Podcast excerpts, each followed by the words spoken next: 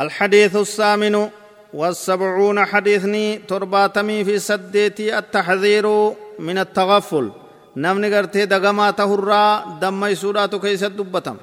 أكنما دغمان تاني دمي سوى كنما غوان تاني نما دمان تاني ايشو فتن نما نما وابيك نما وايق تته برباچسا ايشو نمسلمة عن أبي هريرة رضي الله عنه عن النبي صلى الله عليه وسلم أنه قال لا يلدغ المؤمن من جحر واحد مرتين.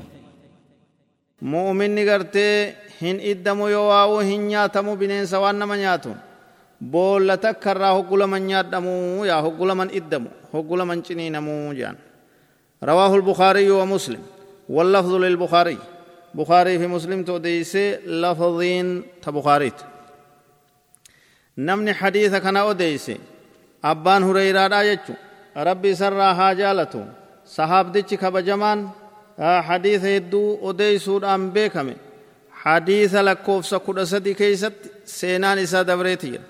وفدو بدي بيا رقي فدا فايدة لي حديث كان الرابر ركيسا حديث كني نما مسلمة غرتيني كاكاس أكا إني غرتي مرنا تو أكا نما مرتا تو أكا نما فتنة تو أكا نما دمكي قبو تو barbaachisaa jechuu kanarratti nama kaasa nama gowwaa yeroo hundaa bakkuma takkatti gufatu ta'uun hin barbaachisuuya nama gartee ufirraanfataa waa takka hin beekne dhama'aa ta'uun doofaa ta'uun hin barbaachisu haxaarra deddeebi'uun hin ta'uu jechuudha guyyaa tokko bakka takkatti dogoggorraan ganaa bayyanataa ta'e nama ufsirreessu ta'uu barbaachisa.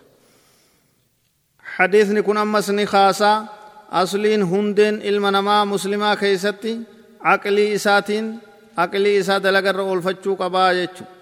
قبا جيتشو سببالي ربين خرا قد قبته إسي سنگرته ربي ألته رت إركتشو راوج irkannoo guddoo rabbi irratti irkatee akkasitti dalaguu qabaa jechuu waan hamtuurraa uf eegee waan gaarii dalaguu karaa nagaya nama baasu deemee karaa hamtuurraa uf eeguu dammaqaa tahuu barbaachisaa jechuudha nabiin keenya sallallahu alaihi wasallam osomaa wahiin itti godhamtu asbaabni gartee barbaachisaa jechuu karaa godhee ufiifillee qabatee ummataafillee karaa godhee jechuudha tanaaf gartee namni rabbiin silaa waan murteesse murteesse jee qadara irratti irkatee taa'uun dhoowwaadha jechuudha. Ka'ee dalaguu qaba. Kheyrii dalaguu qabaa hamturraa fagaachuu qabaa jechuudha